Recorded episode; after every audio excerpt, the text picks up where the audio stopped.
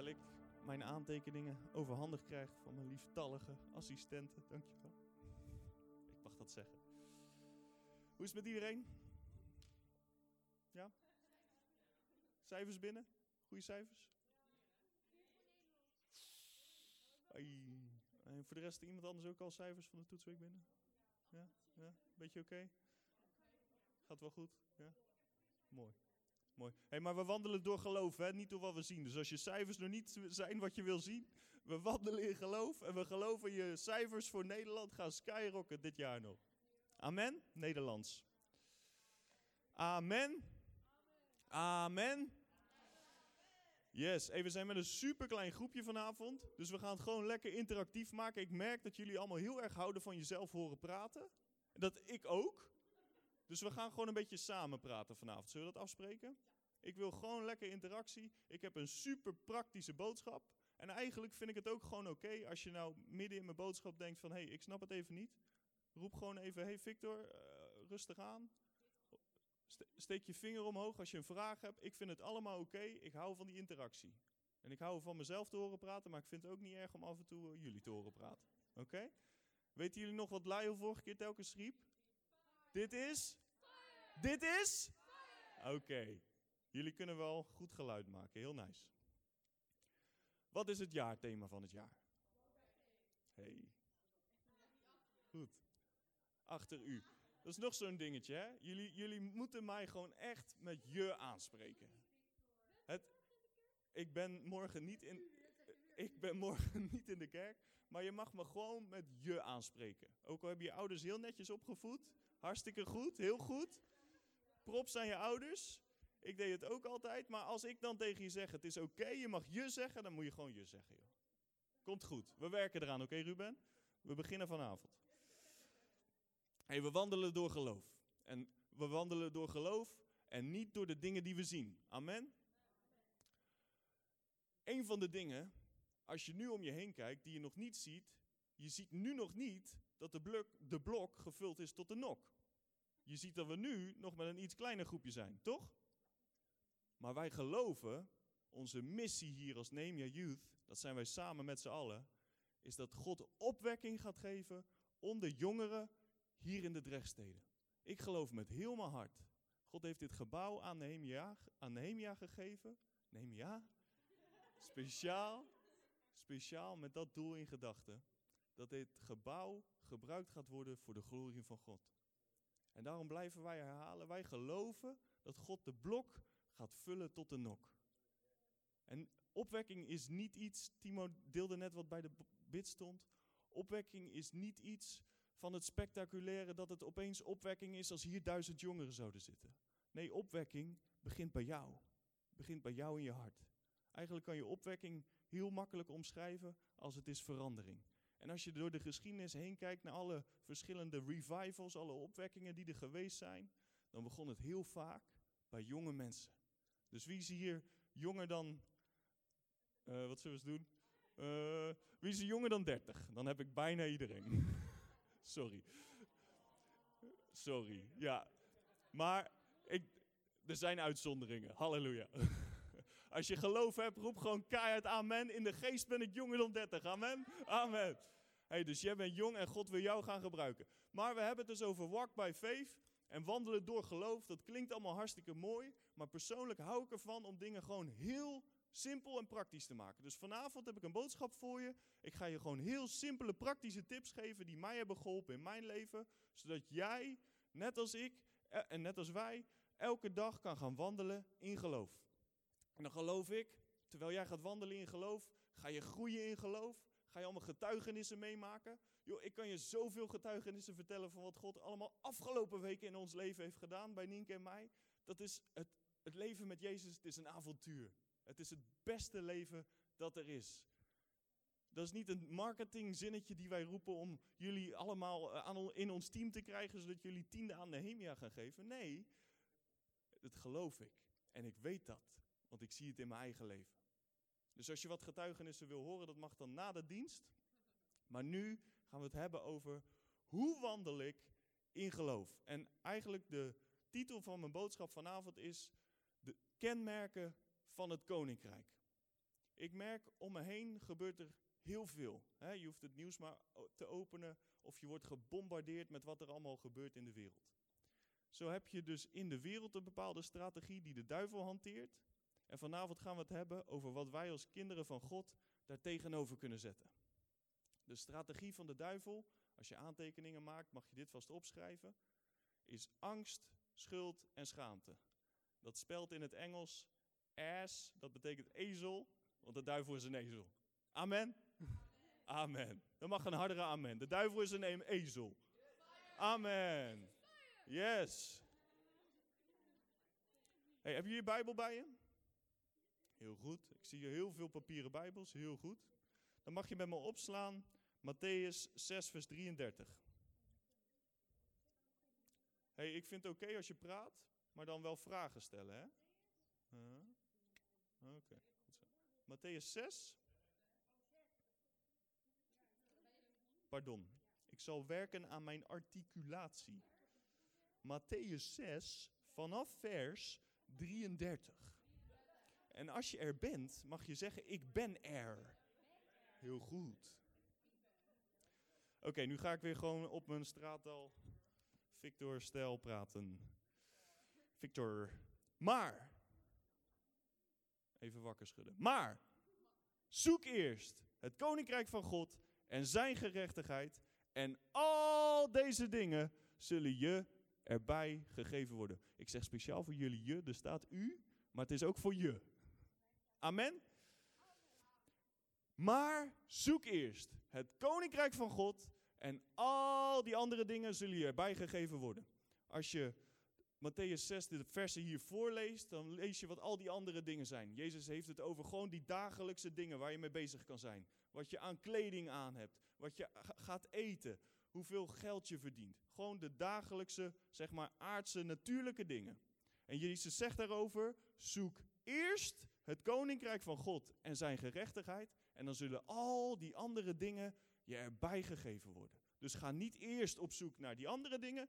Ga eerst op zoek naar het koninkrijk van God. We leven hier in Nederland in een democratie. Maar ondertussen, terwijl we in die democratie leven, zijn wij ook nog eens kinderen van het koninkrijk van God. Amen. En het koninkrijk van God heeft één koning en dat is Jezus. Amen. Maar als ik dit dan lees, zoek eerst het koninkrijk van God, dan is de eerste vraag die bij mij omhoog komt, en misschien bij jullie ook wel, wat is dan het koninkrijk van God? Toch? Als we dat moeten gaan zoeken, het koninkrijk van God, is het wel handig om te weten wat het dan is. Toch? Oké, hey, goede vraag. Dan gaan we naar Romeinen 14, vers 17. Heel goed, ja.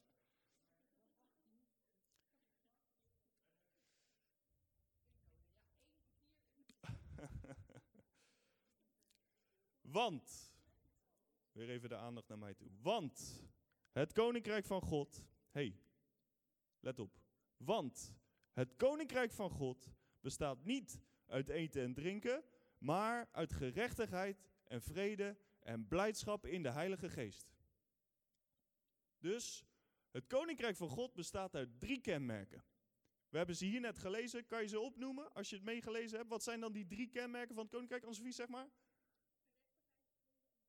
Juist, gerechtigheid, vrede en blijdschap. En weet je nog die drie tactieken van de duivel die ik aan het begin noemde? Schuld. Angst, schuld en schaamte. Want hij is een ass, een ezel. Dus je ziet hier die drie kenmerken van het koninkrijk: vrede, vreugde en gerechtigheid. En die gaan we nu tegenover die drie kenmerken van de duivel plaatsen: angst, schuld en schaamte. Laten we gewoon beginnen bij de eerste, en dat is dan in mijn Bijbel gerechtigheid. En wat we hier gaan doen, we gaan die drie punten langs. En dan ga je opeens zien, hey, dit zijn dingen die dagelijks bij mij in mijn gedachten komen. Of zijn dingen waar je dagelijks mee te maken hebt.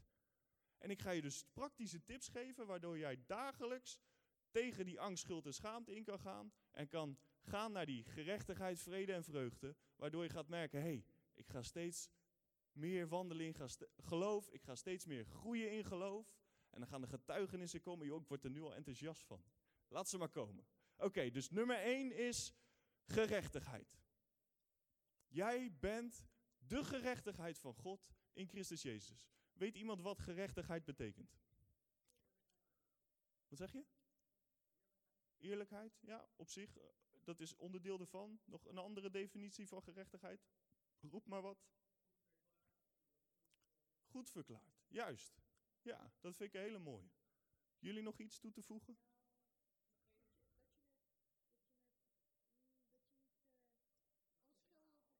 Dat je niet schuldig wordt verklaard. Hé, hey, daar hebben we dat woord schuld opeens. Dus gerechtigheid staat tegenover schuldigheid. We hebben het net over Pasen gehad. Daar is Jezus aan het kruis gegaan voor ons, toch? Aan dat kruis daar heeft Jezus al jouw fouten, al jouw falen, heeft hij aan het kruis genageld. Dat noemen we dan zonde. En daarmee heeft hij de prijs betaald, zodat jij, jouw God, nu jouw vader kan noemen. Dus jullie hier, zoals je hier zit, jullie hebben allemaal Jezus aangenomen in je hart, dat weet ik, want ik ken jullie. Je kan God jouw vader noemen. En dat is door wat Jezus heeft gedaan. En dus door wat Jezus heeft gedaan, ben jij de gerechtigheid van God in Christus Jezus. Eigenlijk kan je het zo zien, als een rechtszaak. Heeft, wie, wie heeft wel zo'n film gekeken dat het in de rechtbank afspeelt in Amerika en dan hebben ze een advocaat en zo'n hele show, weet je wel. Eigenlijk kan je het zo zien, ja. Er is hier uh, een moordenaar die 50 mensen heeft vermoord. Echt een verschrikkelijke, verschrikkelijke seriemoordenaar. Die zit in de rechtbank. En die zit op het strafbankje. En het is overduidelijk vanuit alle bewijzen dat deze persoon die 50 moorden heeft gepleegd. Dus de aanklager die komt met alle bewijzen en die zet uit uiteen waarom, laten we Nienke als voorbeeld nemen, waarom Nienke schuldig is en waarom Nienke levenslang de bak in moet. Dus die aanklager die komt met al die bewijzen, hij zet het helemaal uiteen voor die rechter om die rechter maar te overtuigen. Nienke moet levenslang de bak in. En nou denken sommige mensen dat Jezus dan onze advocaat is en dat Jezus dan tegen die aanklager ingaat. Maar nee, maar Nienke, hè, ik heb nog wat andere dingetjes. Je moet het in dicht licht zien en ik heb nog wat ander bewijs. En dat die advocaat daarmee zijn best doet om die aanklager zijn bewijs tegen te spreken, waardoor Nienke dan door de rechter uiteindelijk vrij verklaard wordt. Maar dat is niet wat Jezus heeft gedaan. Jezus is eigenlijk, heeft hij het volgende gedaan. Terwijl die aanklager bezig is om Nienke aan de, aan de uh, schandpaal te nagelen, zeg maar. Om de schuldig te verklaren. Ja, Nienke, oh, oh, je hebt echt fout gedaan, Nienke. Staat Jezus op en zegt die rechter, ik was het. Ik heb die 50 mensen vermoord. Stuur mij maar de bak in. Dus in plaats van dat Jezus het een beetje goed heeft gepraat voor jou en voor mij, onze zonde een beetje goed heeft gepraat, heeft hij gezegd: geef mij de straf maar. En is hij voor onze straf eigenlijk wat we echt verdiend hadden opgedraaid. En daarmee heeft hij voor ons de weg vrijgemaakt dat wij kinderen van God kunnen zijn. Amen, vind ik ook. Dus even, als je kijkt dan naar jouw leven nu, wat heeft Jezus gedaan? Hij heeft jouw zonde uit het verleden allemaal weggewassen. In de, in de psalmen staat dat God jouw zonde zo ver heeft verwijderd als het oosten is van het westen. Ik denk heel grappig, ik denk dan, waarom het oosten van het westen, waarom niet het noorden van het zuiden? Waarom zou God dat nou zo specifiek opgeschreven hebben? Toen heeft iemand me ooit uitgelegd, als je naar het noorden toe loopt, over de wereldbol, kan je de wereldbol zo voorstellen, rond ding. Als je dan naar het noorden toe loopt, als je het noordelijkste punt hebt bereikt, dan ga je op een gegeven moment weer naar het zuiden toe lopen. Dus dat is een eindig ding. Maar als je naar het oosten toe loopt, over de wereldbol, dan blijf je continu naar het oosten toe lopen. En als je naar het westen toe loopt, dan blijf je continu naar het westen toe lopen. Ik zie dat ik jullie aardig begin te verliezen, maar dat betekent dus, zover het oosten is van het westen, dat is oneindig ver. Daar is, daar is geen limiet aan. Dat is oneindig ver. Zo ver heeft God jouw zonde verwijderd. Ja, hey. Hier moet je even, ik zou zeggen, neem hier een weekje om over na te denken. Dan spreken we over de Faith Conference hier verder over. Ja? Oosten. Je blijft naar het oosten lopen. Als je naar het noorden toe loopt, oké, nu moeten we hier ook echt even. Als je naar het noorden toe loopt, hè, je begint zeg maar op Antarctica en je loopt naar het noorden toe, dan kom je op de Noordpool en dan ga je, dan ga je naar het zuiden toe lopen. Dan loop je weer naar beneden toe. Dan ga je opeens naar het zuiden toe. hey, ik hoor het kwartje gewoon vallen. ja, nou snap. Dus het, oh, God heeft gezegd, ik heb jouw zonde verwijderd zover het oosten is van het westen. Dat is dus oneindig ver. Dat is voor alles wat hij uit het verleden heeft gedaan. En dus in het heden, in het nu, ben jij een zoon of dochter van God. En dus wat kan jij gaan doen wanneer de duivel komt met schuld, wanneer die aanklager begint te zeggen, je doet het niet goed? Top, echt super dit. Ja. Maar dat is nog niet een ronde wereldbol dus. Maar ze snapt het al wel, dus uh, thanks. Ze, allemaal. Ze, in zijn totaliteit.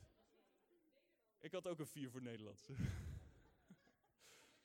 hey.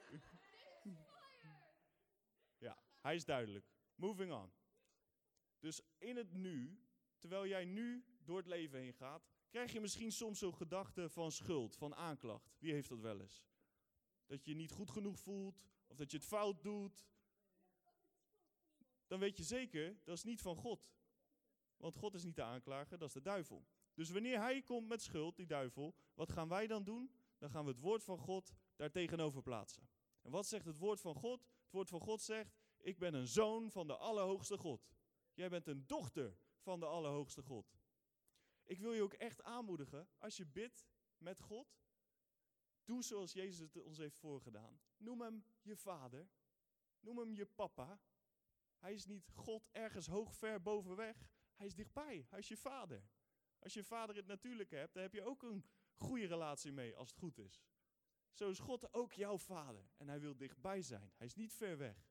En dat helpt om hem ook gewoon echt vader te noemen. Dan is hij opeens ook weer heel dichtbij in hoe je met hem praat. Een kleine tip die je van me krijgt. dus jouw zonden uit het verleden zijn verwijderd van het oosten naar het westen. In het heden ben je een zoon en een dochter. En wat nou als je toch wel een keer echt fout hebt gedaan? Wie, wie doet het wel eens fout? Ik steek als eerste mijn hand op. ik maak wel eens een foutje. Noem, noemt de Bijbel dan zonde. Ik, ik doe het wel eens fout en dat is hartstikke zonde. Hoe ga je daar dan mee om? Als jij het een keer fout doet, hoe ga je er dan mee om? De Bijbel geeft ons de volgende tip in 1 Johannes 1 vers 9. 1 Johannes 1 vers 9.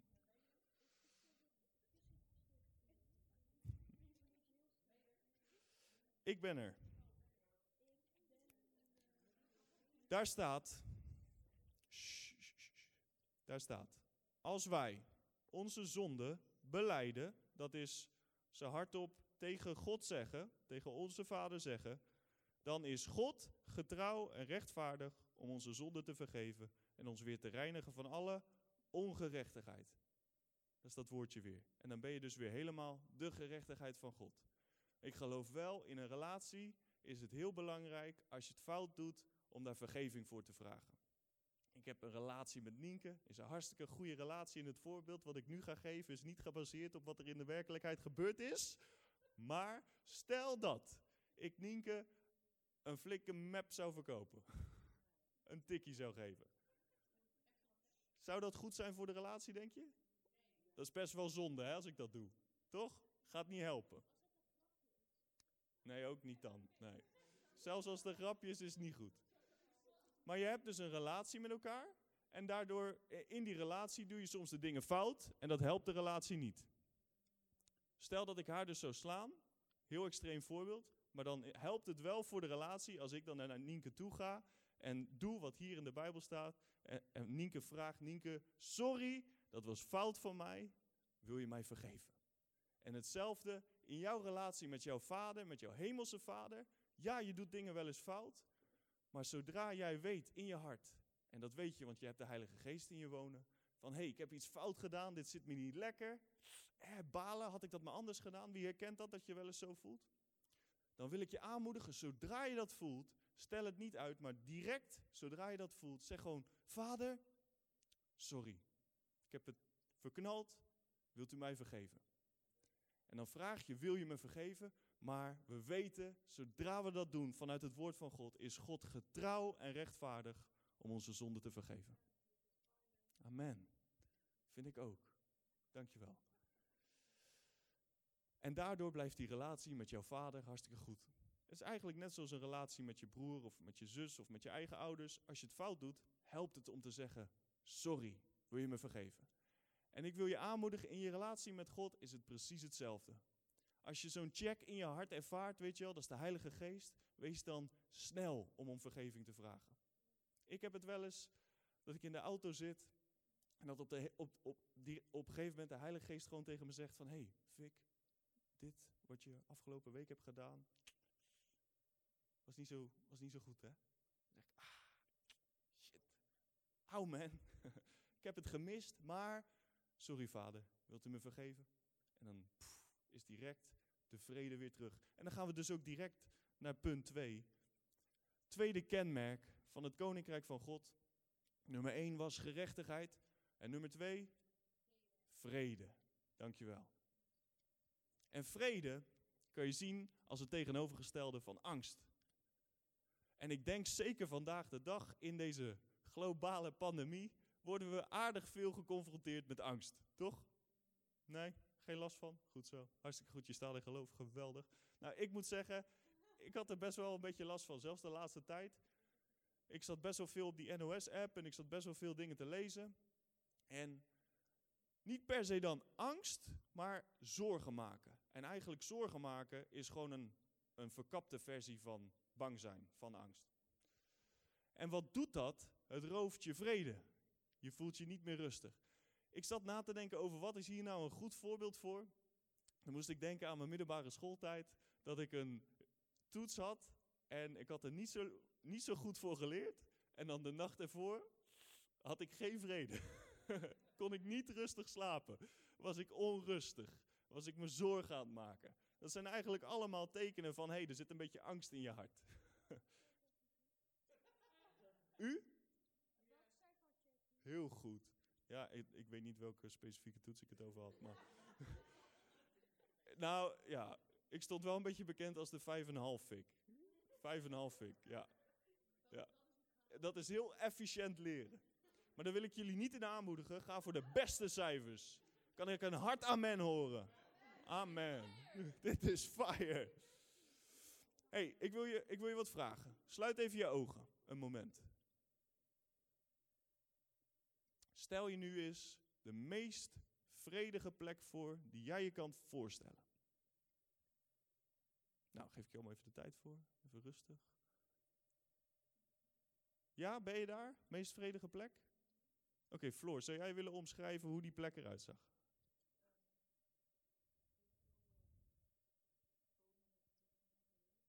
Mooi. Ah, puppies. Puppies van die wc-reclame. Van die wc-papierreclame. Dat soort, dat soort puppies zeker. Ja, ja, van die hele zachte. Oh, mooi. Ja, dat, dat, is, dat klinkt inderdaad wel heel vredig. Iemand anders nog een, een mooie vredige plek die je even wil delen met me? Niet allemaal tegelijk? Ja, Ruben? Water. Mhm.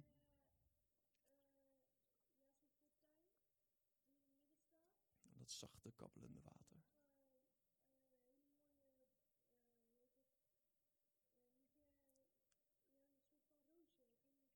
Die rozen. Rhododendrons of zo. Oh ja, prachtig. Ik wil je vertellen over een, uh, een, een. Er was een keer een competitie schilderen. En dan moesten al die schilders moesten dit schilderen wat we nu allemaal gedaan hebben. De meest vredige plek die ze zich konden voorstellen. Dus al die schilders, net zoals jullie, die gingen zo over nadenken van wat is nou het meest vredige. En die gingen allemaal de meest vredige tafereelen schilderen. Dus wat jij beschrijft met bomen, met bloesems en puppies die ronddartelden en fonteinen en kabbelend water en allemaal hartstikke vredig en kalm. Maar er was één schilder, die schilderde iets compleet anders. Die had allemaal woeste, wilde kleuren gebruikt en had heel wild op dat ding staan schilderen. Hoe heet zo'n ding? Het doek, het doek helemaal wild staan bekladden. En dat moest dan een, een situatie voorstellen van de zee met allemaal hoge golven, midden in een storm. En die golven die sloegen allemaal over een rots heen. En dat schilderij heeft die competitie gewonnen voor de meest vredige plek. En nu denken jullie ook, hoe kan dat nou? Dat, dat klinkt niet echt vredig. Een storm en golven en wild en water en spetters. Maar als je heel goed naar dat schilderij keek, dan zag je in die rots zat een spleet. En daar was een nest van een adelaar. En er was zo'n adelaarsmoeder. En die had onder haar vleugels een stel jongen. En die adelaarsmoeder die keek heel goed naar de storm om te zorgen dat het niet bij haar binnenkwam. Maar die jongen, die baby-adelaartjes, die hadden geen idee dat er een storm bezig was. Nou snap je vrede.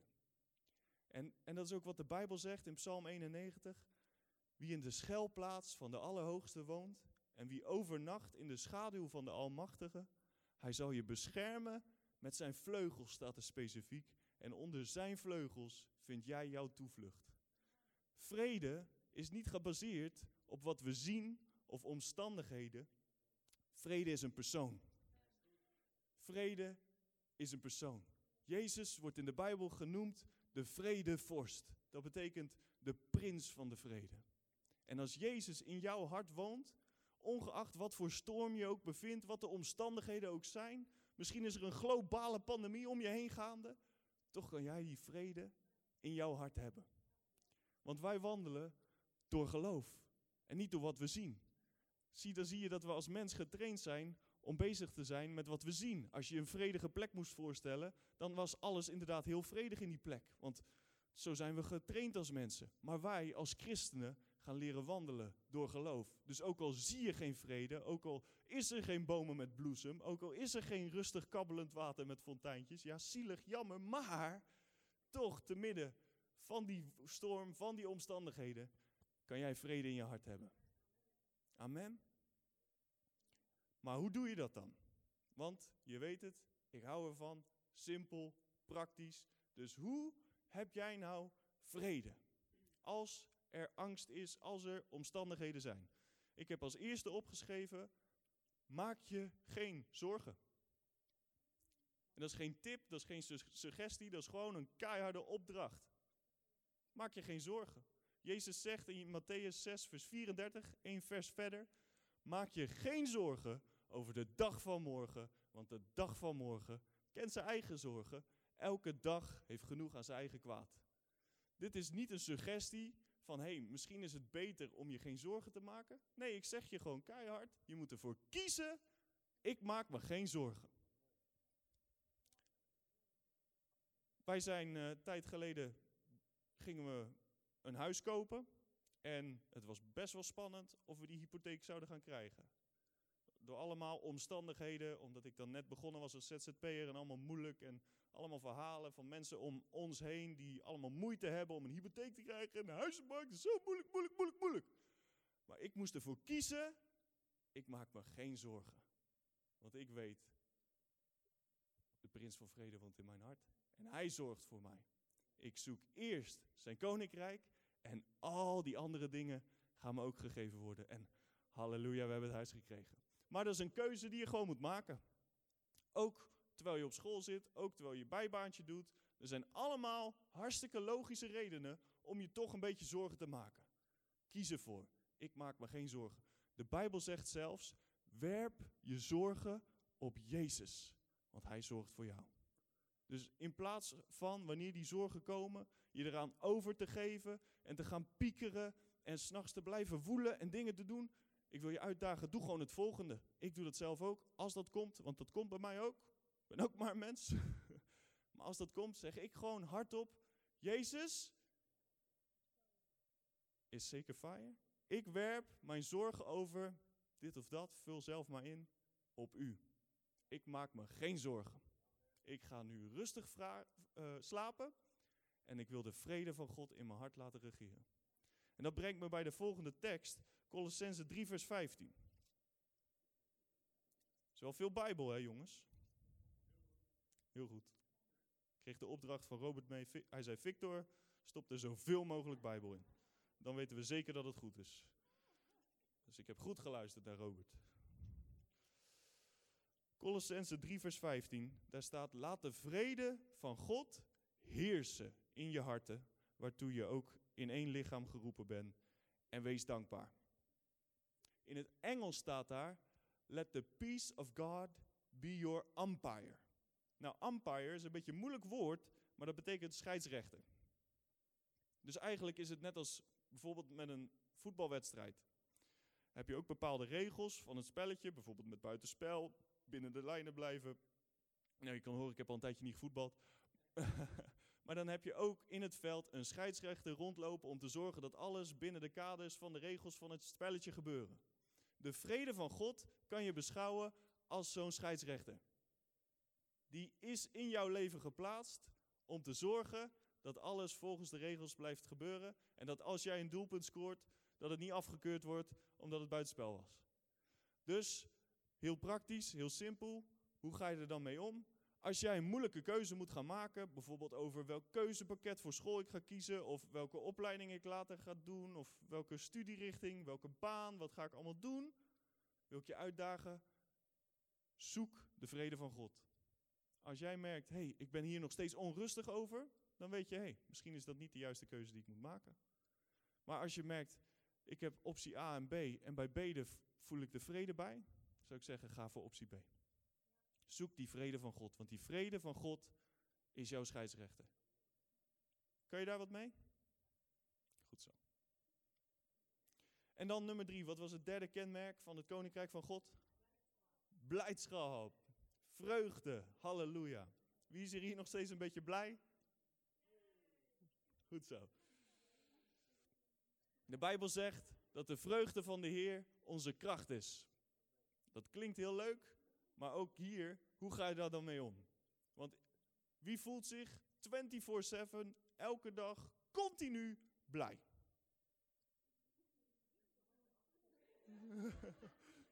ja? Komt aardig in de buurt. Bijna. 23/7. Ja, precies. Ja. Maar gelukkig, ik heb goed nieuws voor iedereen en voor jou dan ook nog, voor dat ene uurtje per dag. We wandelen door geloof. We zijn gelovigen, we zijn geen gevoeligen. Dus het draait niet om hoe je je voelt. Die blijdschap is niet een gevoel van ik voel me blij. Die blijdschap is ook weer een keuze. Jij kan ervoor kiezen, ook al zijn de omstandigheden ruk en is alles vervelend en moeilijk. Jij kan ervoor kiezen, ik heb de vreugde van de Heer. Ik ben blij. Als je de psalmen doorleest, zie je heel vaak dat er geschreven staat, loof de Heer, o mijn ziel. Eigenlijk kan je het je zo voorstellen, waarschijnlijk zat David, of wie dat dan ook maar schreef, flink in de put op het moment dat hij dat, die psalm aan het schrijven was. Waarschijnlijk waren de omstandigheden verschrikkelijk. En wat zei hij tegen zichzelf? Hij zei, ga God prijzen, o mijn ziel. Ga God prijzen, loof de Heer, o mijn ziel. Want wat gebeurt er als jij die bewuste keuze maakt, terwijl je midden in de omstandigheden zit, toch God te gaan prijzen? Dan gaat de rest ook veranderen. Amen? Amen. Maar ook dit is weer gewoon heel simpel, een keuze die jij kan maken. En daarnaast, eerlijk gezegd, hè, als je punt 1 en 2 goed opvolgt, als je die gerechtigheid van God die jij bent dagelijks over jezelf gaat proclameren, misschien door middel van de proclamatiekaart die we gemaakt hebben, als je hem nog niet hebt, ze liggen aan het einde van de dienst bij de uitgang. Als jij dat gaat doen, als jij gaat weten wat jouw identiteit is in Christus, zoals Lyle vorige keer gesproken heeft. Als jij weet wie jij bent, namelijk dat je een zoon en een dochter van de Allerhoogste God bent. Dat geen wapen dat tegen jou gesmeed wordt stand zal houden. En daarnaast, als jij die vrede van God in je hart laat regeren, dan denk ik eerlijk gezegd dat je daar vanzelf blij van wordt. Want dan ga je merken, hey, opeens gaat mijn leven als vanzelf. Dan gaat de gunst van God voor jou uit en die gaat een baan breken daar waar er geen weg lijkt te zijn. Die gaat water in de woestijn brengen, daar waar een dorre situatie is, daar waar het onmogelijk lijkt, zegt de Bijbel, met God zijn alle dingen mogelijk. Ik denk eerlijk gezegd, als je die eerste twee dingen al doet, dan gaat blijdschap een automatisch gevolg zijn. Maar, ook al is het misschien dan niet direct dat gevoel daar, dan is het toch weer die keuze om tegen jezelf te zeggen: Loof de Heer, o mijn ziel. Dus dat is nummer één als tip, weer praktisch. Hoe doe je dat nou? Die vreugde van God in je leven hebben? Nummer één is ga God gewoon loven. Nou, dat is misschien een moeilijk woord, loven. Maar dat betekent eigenlijk gewoon wat we bij het eerste nummer vandaag hebben gedaan. I'm free. Dat is een praise nummer, heet het in het Engels. Dus God gewoon lofprijzen. God gewoon groot maken. Amen. Nienke en ik heel vaak, wat zei je Ruben? Gewoon zingen inderdaad, ja. En dan specifiek zou ik zelf zeggen, lofprijsnummers. Gewoon blije nummers. Waar je, waar je een beetje jezelf een beetje mee wakker schudt. Wat wij heel vaak doen, we hebben één zo'n nummer, die heet Rejoice van Sinach. Kent iemand dat nummer? Ja, is goed hè? Ja. Dat nummer, als wij die aanzetten, ook al voelen we ons bijvoorbeeld zaterdagochtend 8 uur s ochtends en we hebben helemaal geen zin in de dag. Gaat niet over vandaag hoor. Gaat niet over vandaag hoor. Zetten we dat nummer aan en dan gaan we onszelf uit bed trekken en gaan we onszelf een schop geven en zeggen: Hey, loof de Heer, o mijn ziel. Van dit is de dag die de Heer gemaakt heeft. Ik zal er blij in zijn en hem groot maken. Mezelf een schop geven. Maar wel heel scherp. Heel scherp. Volgende keer even je vinger opsteken. Nee, grap. Nee, dus het is gewoon eigenlijk weer een keuze maken om te zeggen: ik voel me niet blij, maar ik wandel door geloof. En in geloof ga ik God lo loven, ga ik God de eer geven die hij verdient. En dan gaat hij mij zegenen en dan gaat hij je blijdschap geven. Geloof ik? 100%. Dat is wat er gebeurt. Een uitwisseling vindt er plaats. Terwijl jij God gaat loven, geeft hij je die blijdschap, geeft hij je die vreugde. Maar dan als tweede, praktische tip van hoe jij die vreugde in je leven kan ervaren elke dag. Praktischer dan dit gaat het niet worden. Deel het goede nieuws met de mensen om je heen. Ik zou Victor niet zijn als ik dit er niet bij deed. Het evangelie is het goede nieuws. Heb je wel eens gehoord, toch? Evangelie is goed nieuws. Het goede nieuws dat Jezus gestorven is voor de hele wereld, de zonde weggenomen heeft en dat de weg vrij is naar de Vader toe. In oud-Nederlands, ja, wat is er? Nou, je was me voor. Ik ging het net zeggen. Wauw, we zijn echt in sync in de Heilige Geest. Halleluja. In het Griek betekent evangelie blijde boodschap. Blij. Word je blij van. En ook al voel jij je niet blij, ik durf je te garanderen, als jij goed nieuws met de mensen om jou heen gaat delen, namelijk wat Jezus allemaal voor jou heeft gedaan, dat het leven met Jezus het beste leven is, dat hij je leven helemaal omgedraaid heeft, dat je nu opeens goede cijfers voor Nederlands haalde waar dat eerst misschien minder was, wat Jezus dan ook maar voor jou doet, jouw getuigenis, als jij dat deelt met jouw vrienden, het goede nieuws, nummer 1, word je zelf blij, want wat jij uitdeelt krijg je terug. En nummer 2, de Bijbel zegt als één zondaar zich bekeert, dan is de hele hemel happy. Dan is het feest in de hemel. Misschien heb je dat wel eens gehoord op zondagochtend als ze een bekeringsoproep hebben gedaan. Dan zeggen ze, als er iemand zijn hart aan Jezus heeft gegeven, hey, het is feest in de hemel. En weet je wat er gebeurt? Dat feest in de hemel gaat doorslaan naar jou toe. En krijg jij ook feest in jouw hart. Word jij vanzelf blij. En dit kan ik echt, echt getuigen. Zodra jij iemand het goede nieuws vertelt, zodra jij iemand over Jezus vertelt, en zij zeggen, oh, ik wil ook die Jezus volgen, ik, ik kan niks anders verzinnen waar ik blijer word dan, dan dat. Amen? En dat is blijdschap in de Heilige Geest. En dan zie je dus ook weer de strategie die daar tegenover staat. We hadden angst gehad, we hebben schuld gehad. En wat is dan die derde? Schaamte. Wat is het nummer één ding waar christenen zich voor schamen? Hun geloof. Om erover te praten met anderen. Toch?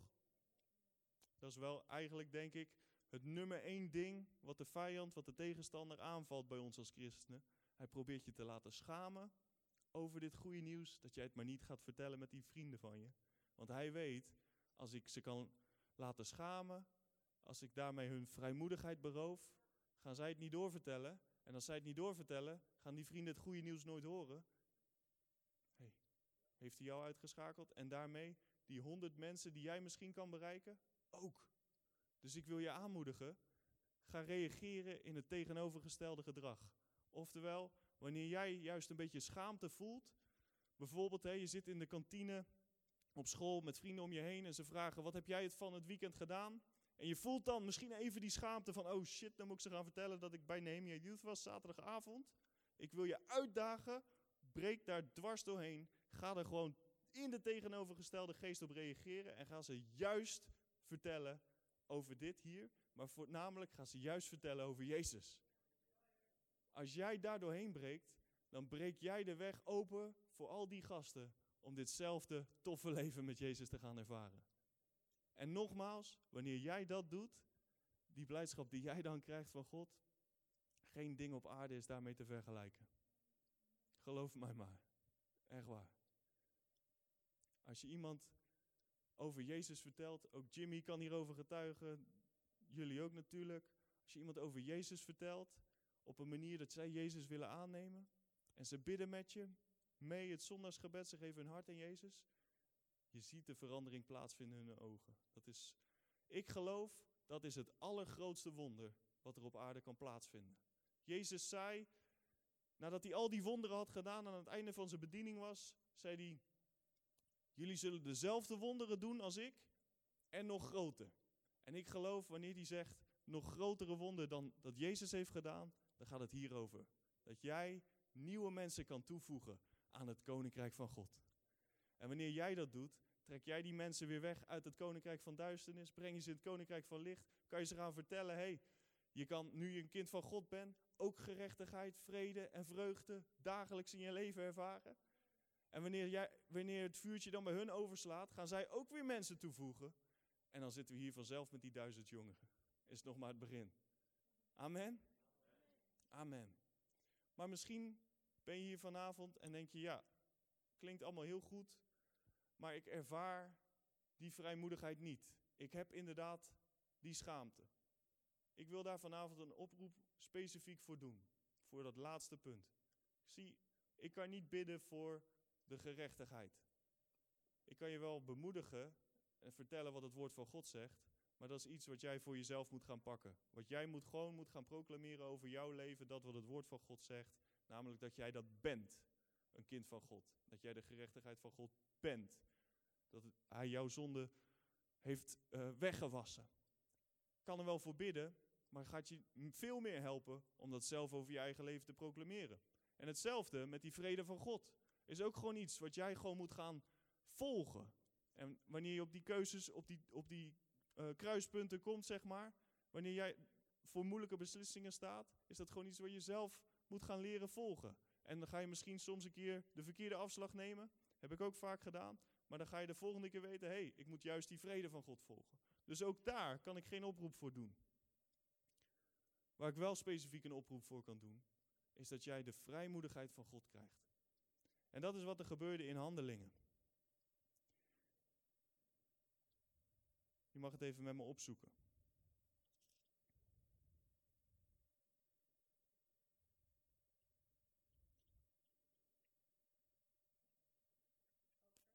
Handelingen 4.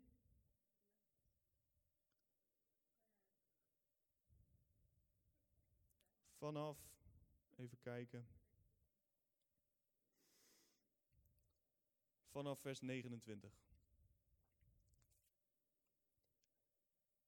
Even de, de situatie. Dit is de eerste kerk in handelingen. En hun uh, zeg maar voorgangers die moesten voor de gemeenteraad verschijnen. En daar werd ze verteld: jullie mogen niet meer vrijmoedig over Jezus vertellen. Er werd ze gewoon het zwijgen opgelegd. Ze werd, hun werd verteld: je mag het niet meer hebben over Jezus. Dus wat deden deze christenen? Wat deden deze christenen? Ze kwamen bij elkaar zoals wij hier samen zijn. En ze gingen bidden. En dit is dan wat ze bidden.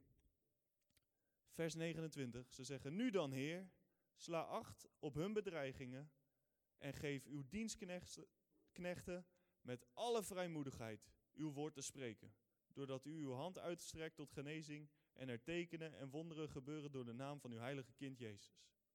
Dus ze werden bedreigd, er waren omstandigheden, er waren mensen die zeiden je mag het niet meer over Jezus hebben. En dan vragen ze God, Heer, let u op de bedreigingen, maar geef ons vrijmoedigheid. Dat toont mij, we kunnen hier vanavond God gaan vragen om ons vrijmoedigheid te geven om juist dat goede nieuws door te gaan vertellen. En dan geloof ik, wanneer wij hier vanavond God gaan vragen voor vrijmoedigheid, gaat hij het geven. En dan geloof ik, de aankomende weken, aankomende maanden, ga je vele, vele mogelijkheden krijgen om het goede nieuws van Jezus door te vertellen. Halleluja. Dit is fire. Laten we een moment